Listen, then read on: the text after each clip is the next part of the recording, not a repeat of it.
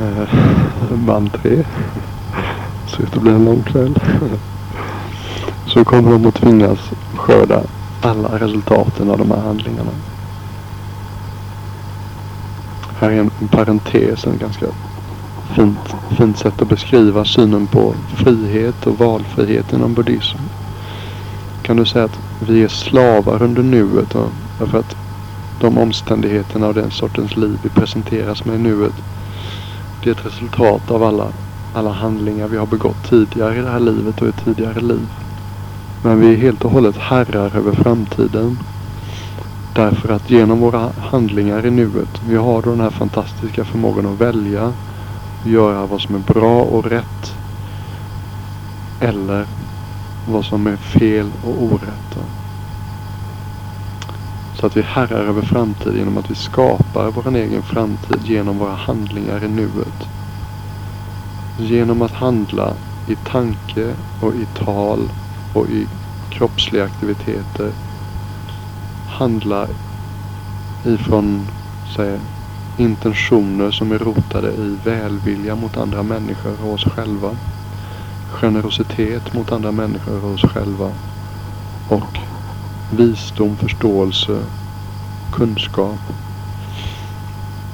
Så bygger vi så bygger vi ett kapital som kommer att skapa gynnsamma omständigheter för oss i framtiden.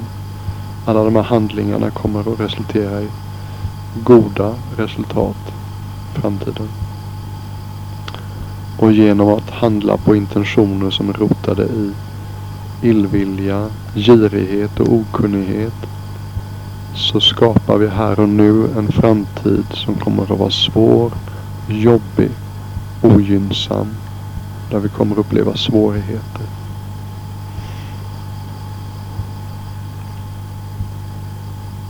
Du kan säga att buddhismen på sätt och vis står för det totala, totalansvar. Vi är helt och hållet ansvariga för våra liv. Det finns ingen annan att skylla på alls.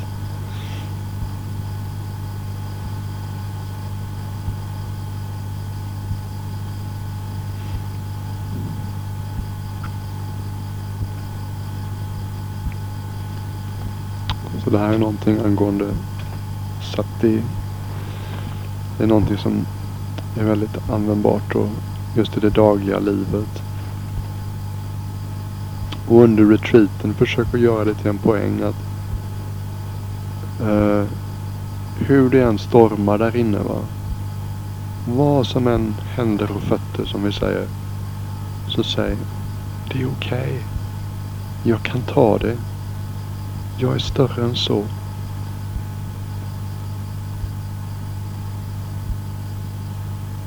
Det finns en meditationslärare i Thailand och hon under meditationssessionerna så alltså, går hon runt, eller kanske i Indien, går hon runt och så lägger hon handen på sina meditatörers axlar och så säger hon Ta det lugnt, ta det lugnt.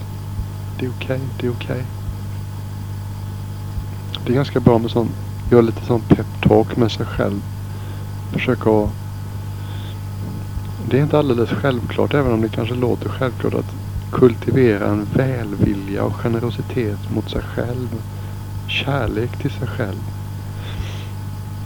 När det är riktigt jobbigt under meditationen så säg Det är okej. Okay. Det är okej. Okay. Jag klarar av det här. Jag kan vara med det här.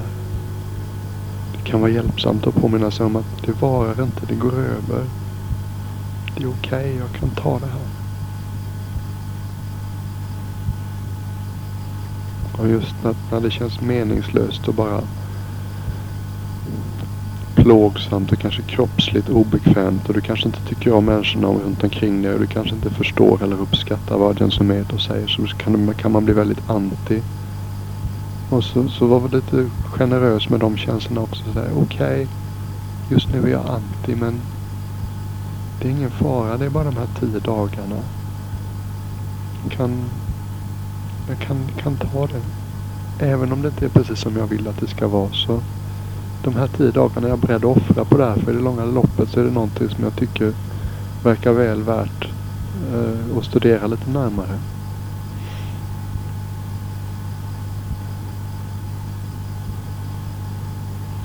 Sati är ett, en fara med Sati så är det att vi försöker för mycket. Du kommer säkert se en hel del människor under retreaten som går väldigt långsamt och gör saker och ting väldigt utstuderat kanske. En del meditationstekniker bygger på att man ska göra allting långsamt. Den som är det har aldrig varit speciellt eh, imponerad av sådana tekniker i och för sig. Men, men ta dig friheten av att eh, experimentera.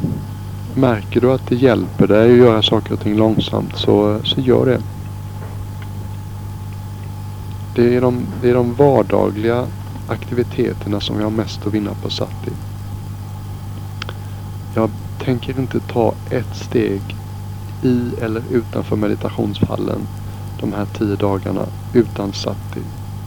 När du går från meditationshallen till ditt, till ditt rum från ditt rum till toaletten. Från ditt rum till matsalen. Bestäm dig. Just nu så går jag. Tendensen är att inuti så är vi redan i matsalen så fort vi har lämnat eh, lämnat dörr lämnat dörren från, från vårt hus.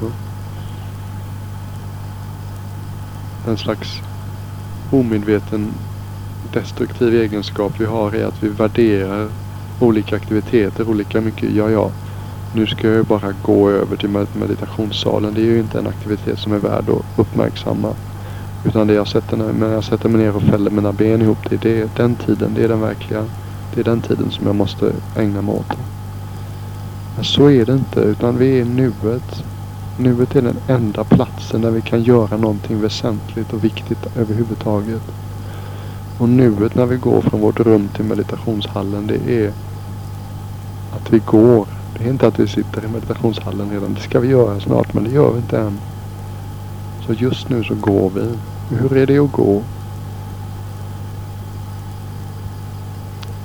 Så kommer du märka att när man liksom försöker låta gående bli en egen aktivitet istället för att vara på väg någonstans så får man genast lite bättre hållning för man har inte så bråttom längre. Den här meditationen som jag har skickat ett kassettband till dig om man slappnar av och uppmärksammar olika delar av kroppen systematiskt. Jag har använt den väldigt mycket sista veckorna. Det är det jag gör mest när jag går nu. Det är inte så eh, det är inte så förfinat då kanske när man går. Det blir lite mer ytligt eftersom kroppen rör på sig så man kan inte liksom känna saker och ting lika detaljerat. Men eh, det är också väldigt grundande. Det är också en sån här sak, det är lätt att man ska vara misstänksam mot det där inom i en som är lite för, som är lite för smart. Va? Det där som är lite för smart i oss, det säger ah, vad är det för mening med att gå fram och tillbaka på en stig och så gå igenom kroppen fram och tillbaka? Det är ju verkligen slöseri med tid. Gör någonting som är lite mer intellektuellt stimulerande och kreativt och skapande. Intellektuellt utmanande istället. Nej. Jag ska inte lita på den här rösten inuti som är så smart och har ett sätt att såga ner allting. Så går man och säger, det spelar ingen roll, jag lyssnar inte på den här rösten nu, nu ska jag göra det här går, går igenom kroppen. Och första varvet lite trögt och många ställen där man inte känner så mycket. Och tar lång tid, kanske tar en halvtimme eller till och med en timme och bara gå igenom kroppen en gång. Men nu har jag bestämt för att det är det här jag ska göra nu ett tag. Går lite fortare och känns lite lättare andra gången. Och, mm, gått kanske en och en halv timme och känner att oh, nu känns riktigt Känns riktigt grundat. Den är inte spektakulär den här grundade, rotade, fötterna i myllan sinnesnärvaron. Utan den är ganska, den kan vara ganska lågmäld. Det gäller att skaffa sig, acquire a taste. Att uh, utveckla en smak för den här känslan. Den är så oerhört överlägsen det vanliga sinnestillståndet som bara är på jakt hela tiden. Och är det förflutna eller i framtiden nästan hela tiden.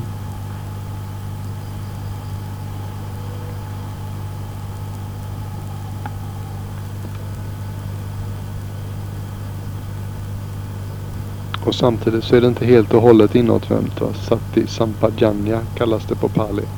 Sampajanya det är den här egenskapen att veta tid och plats, tid och rum. När du är i meditationssalen så upptäcker du ganska snart att det här är inte platsen att hålla en konversation. Här är man tyst. Det är din sampajanya som säger det.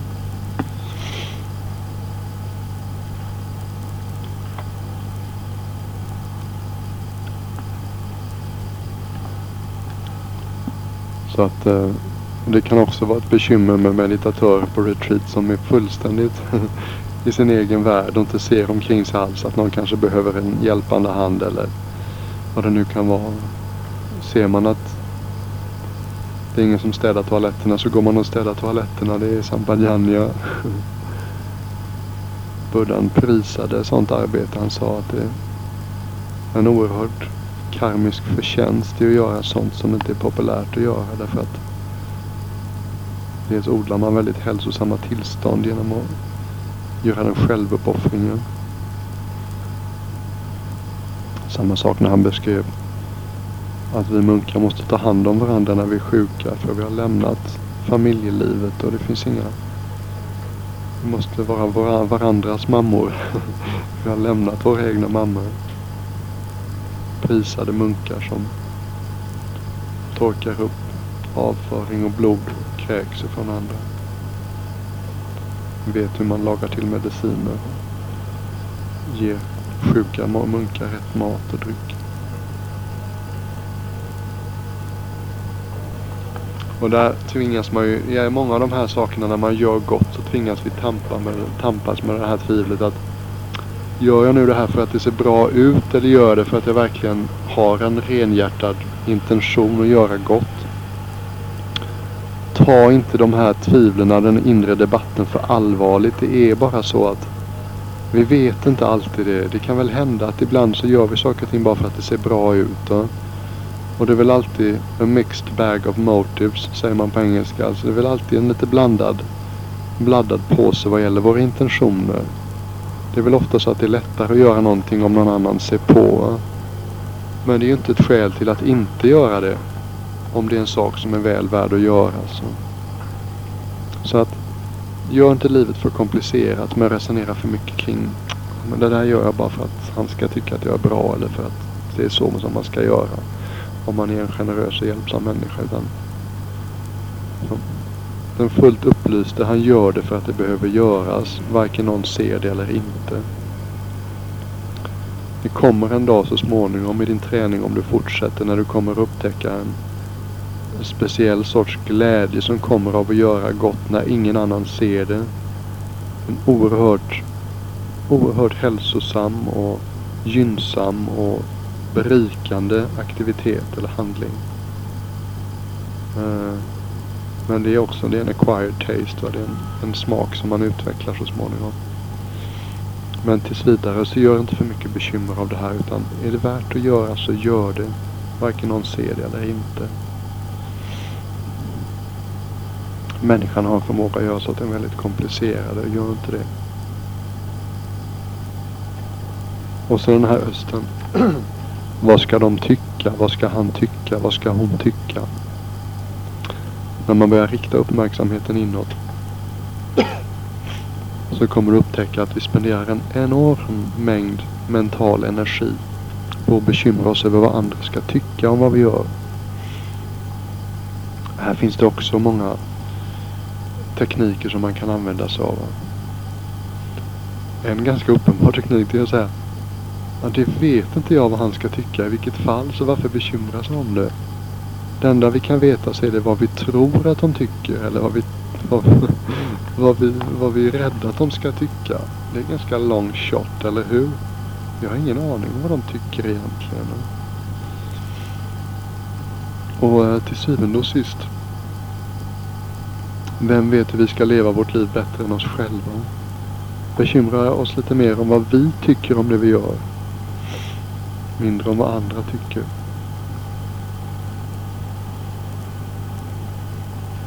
Det här är en integritet som man utvecklar i takt med att man blir mer och mer säker på att man vet vad som är rätt och man vet vad som är fel. Någonting som krävs inom buddhistisk träning så är det en fullständigt hänsynslös inre uppriktighet. Vi måste odla en kärlek till sanning. Odla en kärlek till sanning. Inre uppriktighet. Det handlar inte om att gå omkring och slänga sanningar i ansiktet på andra människor utan inombords. Vi ska veta när vi följer vår låga sida och när vi följer vår ädla sida. Vi ska veta när våra intentioner är goda och när de är onda.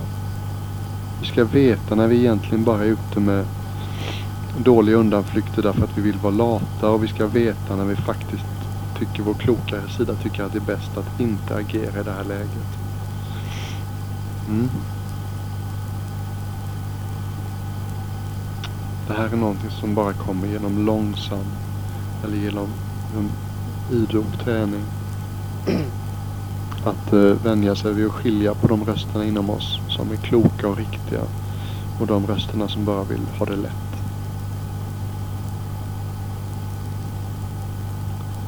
Och här kan vi också använda glädje som kompass. Eh, när vi frågar oss om vi ska göra någonting eller om vi ska låta bli det. Så frågar vi oss vilket får jag mest glädje av? Gå till tandläkaren. Det innebär en del kortsiktigt lidande men i längden så innebär frånvaron av en massa lidande som innebär glädje. Och inte gå till tandläkaren och ordna det här. Det är en, är en kortsiktig ökade glädje för jag slipper plågan att gå till tandläkaren. Men på lång sikt så kommer det leda till en massa extra lidande. Och där gäller det att vara lite tuff kanske. Och säga okej, okay, jag tar det här. Jag är beredd att ta det här kortsiktiga lidandet. Där, där gäller det, där får man inte vara för bekväm va, utan vara beredd att kavla upp armarna och säga att okej, okay, kanske det finns annat jag hellre hade gjort just nu men det här är rätt sak att göra, därför gör jag det. Och där utvecklar man så småningom en glädje i att göra rätt sak. I takt med att vi lär oss vad som är rätt sak att göra så finner vi också glädje i det. Och vi har sett redan hur mycket det har ökat glädje och ljus i våra liv och därför blir det lättare och lättare. Jag kommer ihåg saker som var nästan oöverstigligt jobbiga i början på Nanachat. Nu är det baggis, ingenting.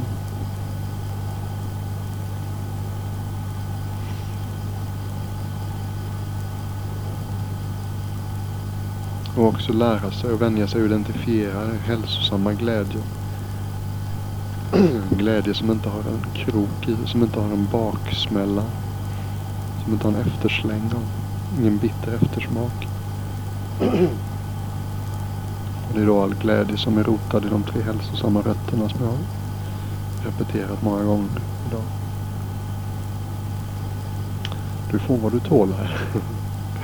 Du kommer vara hyfsat väl förberedd i alla fall för retreaten i, i den mån man kan vara det alls.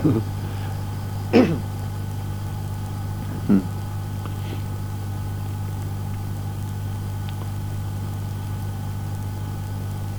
acceptans är en annan viktig egenskap. Kommer uppleva många sinnestillstånd som inte är speciellt roliga att ha. Men lik förbaskat är de där och då gäller det att ha acceptans tendensen är att vi skjuter bort allt vi inte tycker om och drar till oss allt vi tycker om. Och vi försöker att släppa den vanan när vi kommer till en retreat. Och istället säga vad som än händer, det händer. Jag är beredd. Jag välkomnar allt. Ingen som säger att du behöver gilla det du egentligen inte gillar och inte gilla det du egentligen gillar. Men säga att för perioden som jag är på retreat så tänker jag vara väldigt accepterande. Och vad som än kommer så ska jag försöka vara beredd att ta emot det. Och låta det vara så länge det vill stanna och sen så försvinner det.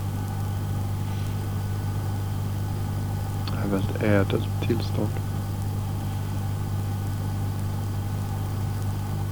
det faktum att skjuta saker och ting starkt ifrån sig har en förmåga att få dem att klistra sig fast vid oss. Medan som vi med lite sval, sval, sval men, sval men hjärtlig acceptans säger okej. Okay. Så länge den här otäcka känslan vill vara här så finns det plats. Jag har plats för den. Det är stort inne hos mig. Jag har plats för den här känslan så länge den vill vara här. Så kommer den otäcka känslan att tendera att drypa av lite snabbare. Ofta mycket snabbare. Än om vi går i halvpanik och säger oh, det här vill jag inte ha någonting alls med att göra. Bort, bort, bort. Som Magnus Härenstam sa i Fyra elefanter är mer än tre myror eller hur det nu var.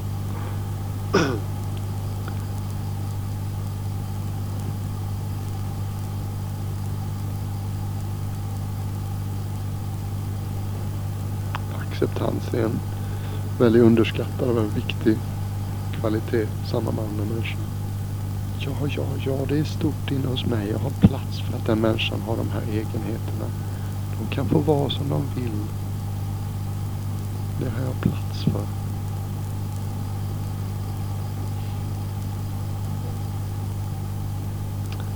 En annan sak jag vill prata lite mer om så är det de fem hindren till uppmärksamhet eller fem hindren till koncentration.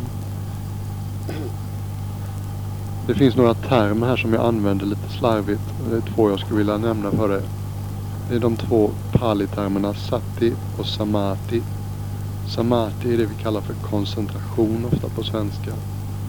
Och sati, och det är en ganska smal och skarp enahanda sig ett objekt. Sati är en mycket bredare och öppnare tillstånd. Det som jag kallar för hög närvarokänsla. Eh, men de går in i varandra också i vissa avseenden. Och de fem hindren som jag har nämnt på ett tidigare band som jag skickade för några veckor sedan. De är jätteviktiga att odla liksom. Bli hemma i dem. Gör dem till din hemmaplan. Eh, de är inte bara dina fiender, de är också dina lärare. Därför att vi ser, genom att notera vilket hinder som är närvarande, så ser vi vad vi behöver jobba med. Jag har jobbat mycket med sömnighet under lång period. Ta i trä, men nu har jag börjat se vissa tecken på att det börjar gå åt rätt håll. Och, eh, och de är, ska vara tacksamma mot de här lärarna för att de pekar ut vad vi måste jobba med. Sist då när jag presenterade dem så är det två saker jag skulle kommentera. Dels att eh, jag blandade ihop ordningen. Det är inte alltid så viktigt men för det mesta så finns det en poäng med ordningen på saker och ting inom buddhism. Det är en, en religion av listor. Det finns listor på allting inom buddhism. Jag repeterar de fem hindren fast den här gången ska jag ta dem i rätt ordning. Och det första det är då sinnliga begär av alla slag. Fast framförallt de fem första sinnena. Att vi vill ha synintryck av ett visst slag. Vi vill ha hörselintryck av ett visst slag. Smak och lukt och känselintryck av ett visst slag. Känselintryck är då den kroppen. Och vi vill sitta, vi vill ha en bekväm stol, vi vill ha lagom varmt. Hörselintryck, vi vill ha tyst när vi mediterar. Och vi vill inte att den här personen nästgård ska sitta och rapa och andas sådär högt och obehagligt. Och vi vill ha mat av, ett visst, av en viss sort. Det är smak, sinniga begär och smakdörren.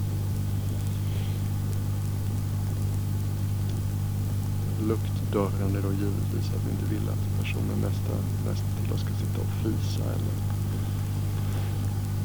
när vi äter så vill vi att maten ska lukta gott.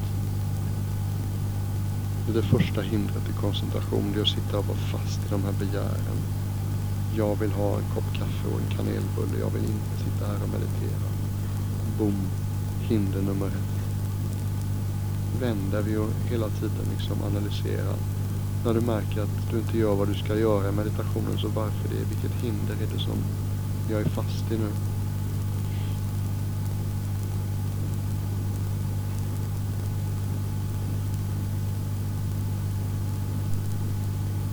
Andra hindret. Illvilja. Alla grader ifrån mild irritation med flugan i fönstret till fullvuxen vanmäktig ve och förbannelse, ilska på något som just då känns som orsaken till allt ont i livet. Eller någon. Och eh, den tredje, det var här jag växlade ordningen på trean och fyran sist. Den tredje är då kroppslig och mental slöhet. Mental slöhet kan vi väl kalla för sömnighet. Det är egentligen ett mera rättvisande ord. Jag har talat idag lite grann om det första hindret och hur vi kan komma över det sinnliga begär. Det var det här exemplet med kanelbullen, att det finns två sätt att förhålla sig till sinnliga begär. Dels att tillfredsställa dem, vilket är det vi alltid brukar göra. Det andra sättet är att låta dem vara där. Okej, okay, jag har plats. Jag har plats för en intensiv hunger för en kanelbulle och en kopp kaffe just nu. Jag kan vara med det begäret. Och så småningom så upphör det begäret. Du fick ingen kaffe, ingen kanelbulle, men du mår fint ändå. Du mår i själva verket förmodligen bättre än om du hade fått en kanelbulle och en kopp kaffe så fort, så fort du ville ha det. Illvilja mot andra människor och fördömande irritation det har jag också pratat om mycket idag. Slöhet och sömnighet, tredje hindret, har jag inte pratat så mycket om. Jag nämnde på tidigare kassettband. Öppna ögonen om du mediterar. Och, uh, känner dig som... Ofta att vi går från ett mer förfinat till ett mer grovt meditationsobjekt. Att sitter du och mediterar på andningen så gå över, gå igenom kroppen som jag har lärt dig istället. Det är lite mer handgripligt kanske och det är lite mer aktivt. Gå över och gör en, vad som kallas för en analytisk meditation. Meditera över döden, tänk igenom döden. Gå igenom steg för steg olika aspekter av döden. Det är någonting som jag kanske hinner göra innan, eh, innan pansan. Men även om jag inte hinner det så är det inte, det är någonting som jag kan göra själv. Gör en meditation om karma. Gå igenom det faktum som alltid har pratat om om om handlingar och deras viktighet. Allt vi gör, vi är ägare till alla handlingar vi gör. Vi är arvtagare till alla handlingar vi gör. Alla handlingar vi gör är vår tillflyktsort, det vi bygger vårt framtida hem. Det är där vi hamnar. Alla handlingar vi gör.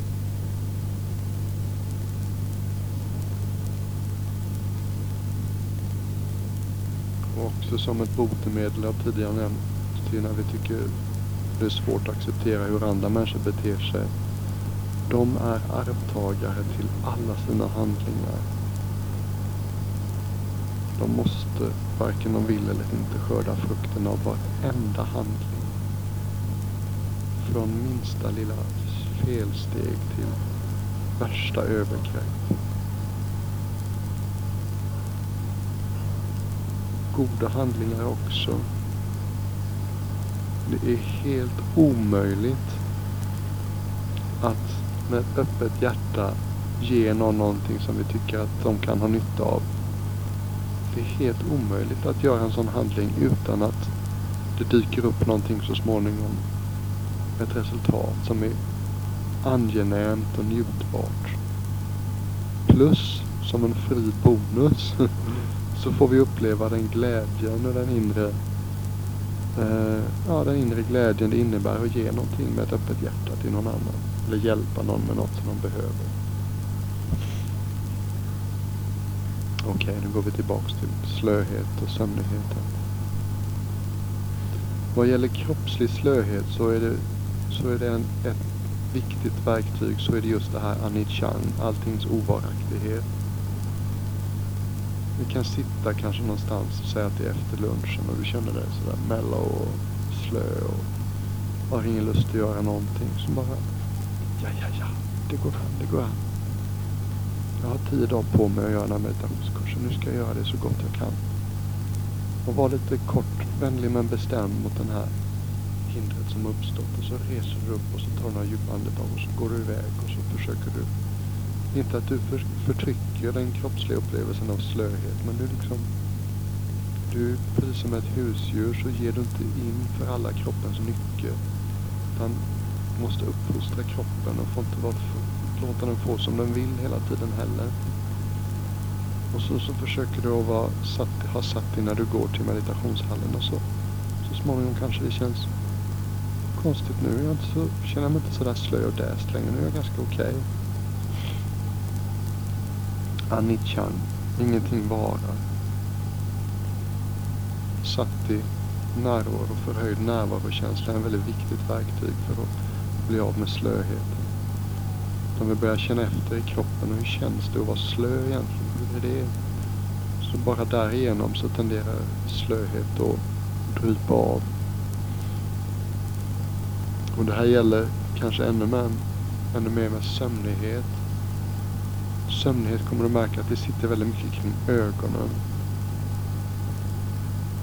Och man kan börja bli lite mer förfinad i sin observation av kroppen. Det är ju någonting du lär dig genom den här meditationen som, som jag har gett dig på ett par kassettband innan. Så kan du bara sitta och, aha, nu är jag sömnig, det känns så här och så här. Det är som om allting smalnar av en smula och ögonen drar lite. De vill liksom klippa hela tiden. Jag försöker skapa lite distans och lite svalt på lite avstånd. Observera just det kroppsliga fenomenet av att vara sömnig. Sen finns det ju mer uppenbara hjälpmedel. att Sitter du och är sömnig och ingenting annat hjälper så res dig upp och gå istället. En eh, hård men viktig lektion det är att sömnighet kan avhjälpas genom att inte låta kroppen och sinnet sova när det vill sova. Samma sak där som med katten. Och att om man inte föder den hela tiden så kommer den inte tillbaks. Ajahn Chah talar om olika negativiteter som vi har, olika liksom, destruktiva sidor vi har i oss. Vi behöver inte ta död på de destruktiva sidorna. Vi behöver bara låta bli och ge dem ytterligare näring. Det är som att ha en tiger. Vi behöver inte gå ut där och ta livet av tigern. Utan vi sätter den i en bur och sen ger vi den ingen mat. Så småningom så dör tigern av sig själv. En kanske något krigisk bild men den är ganska användbar. Om vi inte går och lägger oss varje gång vi känner oss det minsta sömniga så kommer vi så småningom inte att känna oss så sömniga. Sömnighet är ibland en liksom naturlig och rimlig reaktion på att vi inte har sovit tillräckligt. Men det är också för det mesta eh, en slags okunnig primitiv reaktion på att man är uttråkad. Helt enkelt.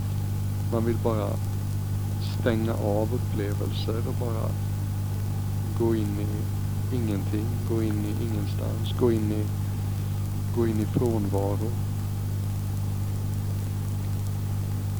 Tillfälligt avbrott.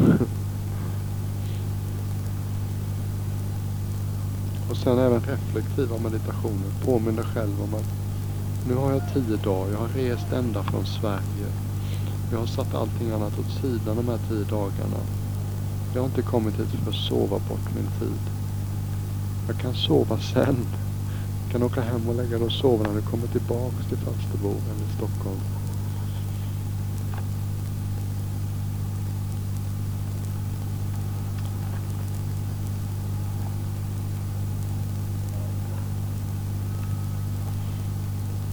Och den fjärde, rastlöshet och oro.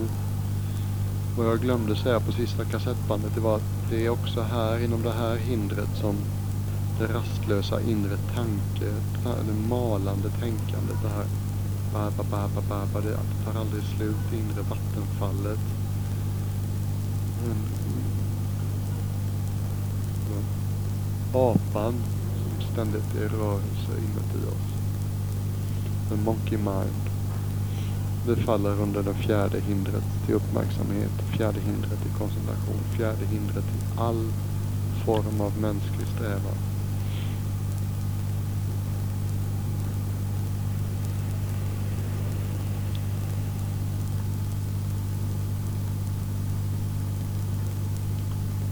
Första gången som vi sitter igenom rastlöshet så är det en ganska remarkabel upplevelse för de flesta av oss. Tendensen när vi blir rastlösa är att man reser sig upp och gör någonting annat därför att det är outhärdligt att känna den här rastlösheten i kroppen. Men om du sitter och försöker meditera och så blir du riktigt rastlös. Så säg bara till dig själv. Nej, jag tänker inte resa mig upp och ge in på den här rastlösheten. Jag tänker så accepterande jag kan. Låta rastlösheten vara här så länge den vill. Jag tänker försöka ägna mig åt mitt meditationsobjekt. Och går det inte att göra någonting annat därför att du blir så besatt av rastlösheten så låt rastlösheten bli ditt meditationsobjekt. Hur känns det i kroppen att vara riktigt rastlös?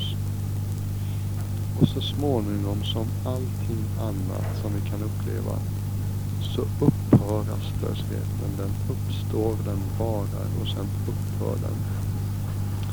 Och när rastlösheten upphör så vad finns kvar? Jo, ett stilla lugn. Och det här är en väldigt stärkande upplevelse om du får vara med om det. Att sitta igenom rastlöshet tills den tar slut. Och bara sjunka ner i det lugnet som finns kvar när rastlösheten har försvunnit.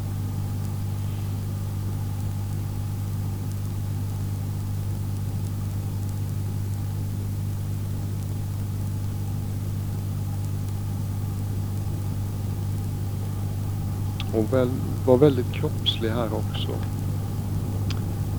Tankarna de är så rastlösa och det går så fort så där är det ingen chans att hänga med. Det är ett, ja det är, jag vet inte vad man ska kalla det. Det är ett Formel 1-rally. Det går så fort så det är, det är liksom space out att försöka hänga med där. Utan gå till kroppen. Det är ofta där rastlösheten sitter också, att vi vill röra på oss. Det är liksom en massa energier i kroppen som inte vill vara stilla. Gå och notera, var ett tyst vittne. Observera, uppmärksamma de energierna.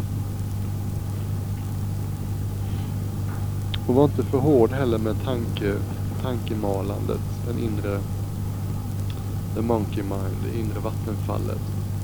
Ja, ja, ja, låt tankarna gå på. Det hör till Ajahn Chan, någon som klagade över att tankarna aldrig slutade. Men vad, vad, vad väntar du dig? De enda människorna som inte tänker, det är döda människor Så lik, de tänker inte. Men så länge du lever så kommer du att tänka. Det är den mänskliga naturen. Vare sig du vill eller inte så pågår tankar. Vad vi kan göra så är att vi kan välja att inte hela tiden vara med dem och nära dem. Utan vi kan svälta dem lite grann. Bestämma oss för att inte, inte bita tag i dem. Inte identifiera oss med dem. Inte vara tankarna utan titta på tankarna. Eller ännu bättre, inte uppmärksamma dem utan vända vår uppmärksamhet mot någonting annat. Ja, ja, tankarna kan gå på bäst de vill. Jag tänker inte nära dem genom att ge dem en massa vikt och uppmärksamhet utan jag vänder mig tillbaks till mitt meditationsobjekt. Och sen har vi den sista och den femte. Den lite mer subtila fienden och läraren som är tvivel av alla former. Jag grejar inte det här. Jag förstår inte hur andra människor tar sig igenom tio dagars meditationskurs men jag har definitivt inte byggt upp tillräckligt med goda kvaliteter för att klara det. Eller meditation är någonting som andra människor kanske kan ha nytta av men jag kan inte riktigt ta till mig det här. Eller jag har helt enkelt sett för mycket på TV och gått på för många partys. Jag kan inte samla tankarna tillräckligt länge för att dra någon nytta av meditation. Allt det här det är tvivel. Buddhism funkar kanske för vissa men för mig funkar det bara inte. Det är för, det är för komplicerat. Det här är tvivel. Och det är väldigt förföriskt tvivel som jag sa på det förra kassettbandet. Just därför att det verkar så rimligt. Det är så rimligt, så, så sansat, så resonabelt. Och vi ser inte att det är tvivel därför att, just därför att det verkar så rimligt och sansat och resonabelt. Inte förrän efteråt så upptäcker vi kanske att ja, men det där var tvivel. Jag var fast i det femte hindret, det som heter tvivel. Tvivel på sig själv och sin egen förmåga. Tvivel på ens lärare. Tvivel på damman. Tvivel på buddhans lärare. religionen, metoderna.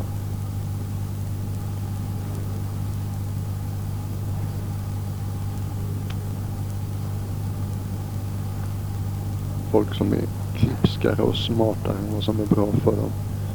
De spenderar ofta en stor del av sina dagar just i tvivel.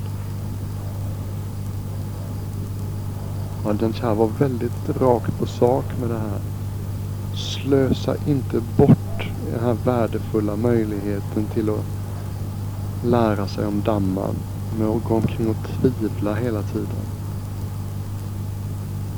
Tvivel är, jag har inte Ajahn sagt det här som jag säger nu men tvivel är som ett monster som som får oss att försitta chansen, den här värdefulla möjligheten att växa i visdom och allt som är gott.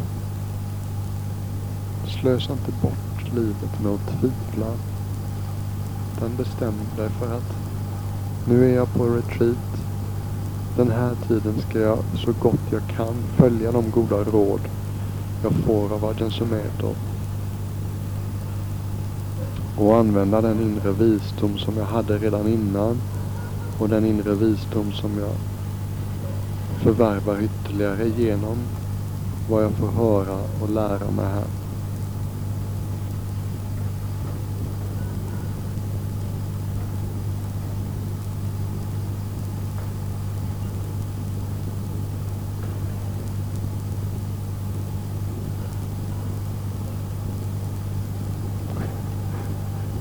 Tiden har gått där och grävskoporna har kommit. Eh, framåt 8-9 på kvällen nu. Det var väl fem på eftermiddagen när jag började. Eh, det är inte så ofta jag får chansen att predika. Speciellt inte på svenska. Nej, det känns faktiskt inte som predikan. Det här är väldigt, väldigt väl väldigt goda intentioner med allting jag säger. Jag vill så gärna att du ska få, få något av den nyttan och livskvaliteten som jag har fått genom att möta dammen. Det funkar. Det kändes som, ja. När jag mötte damman så hade jag liksom sprungit hit och dit i olika riktningar och aldrig riktigt förstått vad som var värt att följa efter och vad som var värt att utveckla och vad som var rätt och vad som var fel. när jag mötte damman så det var en ganska ödmjuk upplevelse därför att man såg ju mycket inom en som inte var speciellt klokt eller rimligt eller vist. Men det var som att man hade tagit de första stapplande stegen. Okej. Okay. Berget är stort och Lasse är liten. Världen är stor och Lasse är liten. Och berget är kanske höllt i Malin uppe på toppen. Men nu vet jag vad berget är. Och jag vet vart stigen, jag vet vilken stig man ska följa för att nå toppen av berget. Och det spelar ingen roll om den stigen är bara några kilometer och om jag kan hinna fram i det här livet. Eller om den är jätte, jätte, jättelång och kräver att jag ska gå många, många liv på den innan jag kommer fram. Därför att att följa den här stigen steg för steg är det enda som är viktigt. It's the only show in town baby. Det finns ingenting annat som är värt att ägna sig åt. Och vägen upp till bergets topp består bara av att gång efter annan sätta den ena foten framför den andra. Och att sätta den ena foten framför den andra det är att i här och nuet. I häret och i nuet. Att välja det som är vist. Att välja det som är generöst. Att välja det som är vänligt och välvilligt mot andra. Odla det som ska odlas. Att inte odla det som inte ska odlas.